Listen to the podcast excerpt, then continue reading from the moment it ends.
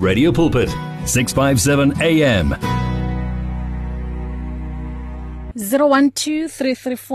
0123341322 unezwi othanda ukulishare nathi zivuliwe ke incingo noma ngashaya ku 0123338699 usemoyeni sawubona? Hey, sibahle. tata ninjani Ah. mfundisi wami? Siyaphila mamegcuwa uyesu ugcinde niphile ngomekhawuthi. hayi nathi usasigcinile ngomusa wakhe Ha. mm Manje bulise mama kubaphulaphuli beradio pulpit. Amen. Keka Christ khama. Hey, amen hey. Sibahle uya uyambona uaya 41. mhm Ha. u verse 10. mhm. Hey. Uthi apha inhloko ndaba uKoreshi ngummeli kaThixo. mm Mm.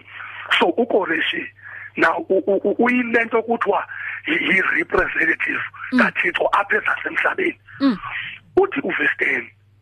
So ngaKoreshi "M- musa ukoyika. mm Ngicede ukuba ndinawe. Hey. Hey. Mm. Athi musa ukubheka bheka. yeah Hmm? Athi kuba ndinguThixo wakho. yebo uthi ndikukhaliphisile Hmm? ewe ndikuncedile Hmm? ndikuchasile ngesandla sam sokunene sobulungisa bakho uyayibona sibahle indawo ethi phaya ndikukhaliphisile yebo yazi uma uthatha indumiso naye 8924 yes. Uthi uthixo kuDavide isiqaka sikaThixo uqobo uthi jonga Davide aha. ndakuhlala ndikuthanda. Wow. Mm, mm, mm. athi jonga Davide okwesibili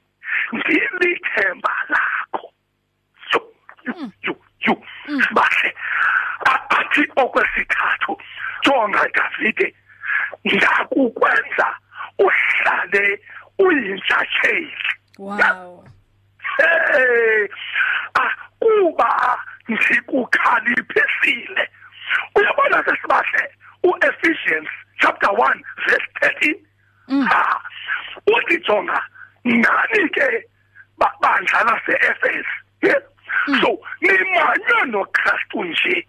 Ngokuba nisivile indaba zenguquko so nasizindaba zoxolo eh esisezinyaniso asike mama ngoko ke uThixo uliphawule you Mm. you you you Mm. you have been marked wow so so uniphawu you have been sealed you Mm. You you Mm. ngomoya oyingcwele Ngcwele. so um- lo moya oyingcwele niphawulwe ngawo wasesiqinisekisisiso Hey. Yeah. Mm. sokuba qinisekale Yeah. ukuba ningabantwana bakaThixo amen uyabona ke sibahle having marked or sealed ngomoya oyingcwele you become very strong you Mm. you you you so uba bold Yeah. Yebo. Ah, so like a lion Hmm. you, you become courageous you motivated sukane madoda you, become confident. Aha. We- wena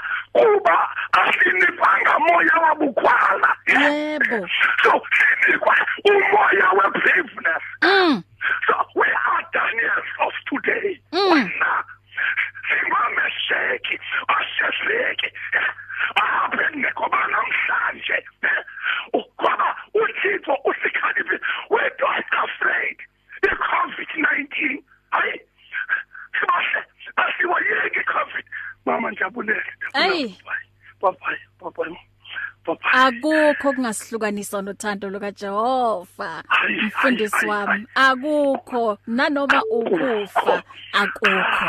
Wow. Siyabonga siyabonga lemvuselelo mfundisi. God bless you. Kusima kakhulu. Mm. kusima kakhulu bulela usemoyeni sawubona? Hallo Wadle, hello baba. Eh kwamasango lo lapha eThembisa. Eh baba Masango usaphilile baba Eh eh ngisaphilile ngisaphilile. Amen Sithuka ama amen network sisenyanya nje kanje. Eh nawe sowulahlekelwe inamba yase pulpit Ah nginayo ngeke ngilenze iphuthe lingabo. Okay baba mm usiphathele namhlanje Ngiyabonga ngiyabonga baba wami. Ngiyabonga baba wami. Mm Eh ake singene elizweni. yep Yabona sesibathe manje usathana unamaqhinga usebenza ngamaqhinganyana akhe. mhm mhm lovalo lokwesaba that's why umphathi wethu lo umunye ukuthi asinikelanga umoya wokwesaba. Yes. Ekwamanje makufika le corona kuthiwa ukuthi masithi asiyene enkonzweni bathi "Hey, enkonzweni siyasaba sizokufa. Mm. Kune corona. Mm. hey hey ukuthi ukuthi ukuthi ukuthi siyasaba. Hey asigibele itaxi siyasaba. Mm. Manje ake singenele elizini likaNkulunkulu ilizwi likaNkulunkulu esilithola namuhla. Ngilithola lapha ku-Ezekiel chapter 7 lapha ku-Ezekiel chapter 7 uma sifunda ku-verse 10 lapha isexwayisa ukuthi isuku liyeza isuku likababa uNkulunkulu liyeza. Mm. masitapheleni masibhekeni ukuthi isuku liyeza.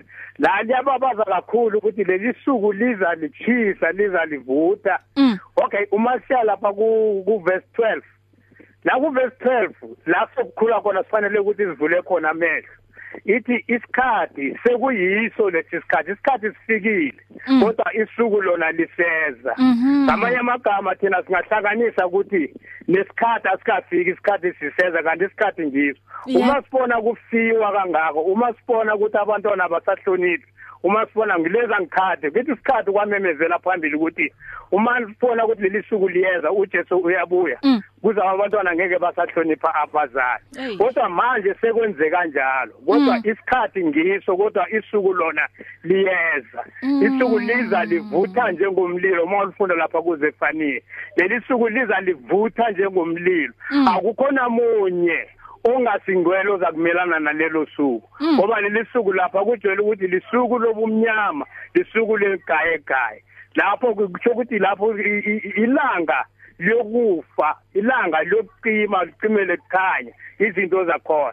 Manje ake sibhekeni ukuthi isuku liyeza isuku akusilo leli le- mana kodwa isikhathi yiso isikhathi sakhona. Mm. uma uvula amehlo ke ngalesi sikhathi uphaphameke wena ke uma ubona ke ukuthi ulindele kanjani leli suku wawubona lesi sikhathi sekwenzeka kanje kodwa siyakwazi ukubona ukuthi ihlobo liyangena. Siyakwazi ukuthi ubusika buyangena. Kodwa namanje ake sivulile amehlo sikwazi ukubona ukuthi isuku selisondele lithetha kakhulu manje. Seliseduze mzalwane wami. Selifikile seliseduze. Ngiyabonga mzalwane wami. Oh sesiseduze isikhathi. Asibukeni impawu njengoba izwi likaNkuluNkulu lisambulele. Siyabonga baba. Masango. God bless you. God bless you. God bless you. Mm. Um sawubona usemoyeni Eh sawubona nkosazana bahle. babvilakazi unjani baba Ah uNkulunkulu sasigcinile nkosazana. Amen mm Siyabonga ngezwi eli- elisitho- elis- elis- elis- esilithola ku- kuzinceku zikaNkulunkulu sharing for us. Amen Eh bahle emoyeni wami kugcwele ukuba ngithanda ukubongisa abafundi bebabhala last year imatric.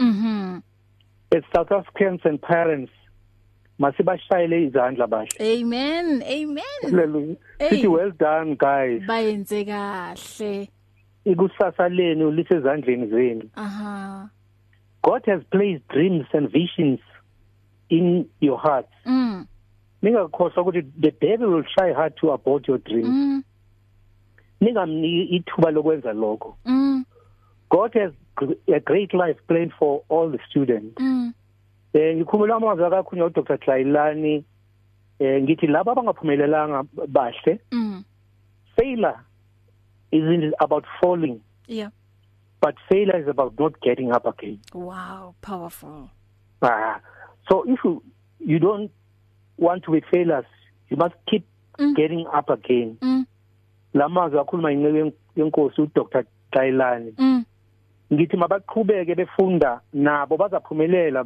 Bahle iminyaka savuliwe mashisa. yebo aha. Yeah, ngiyabonga uNkulunkulu asibusise ke program sisazohlala nobahle silalela.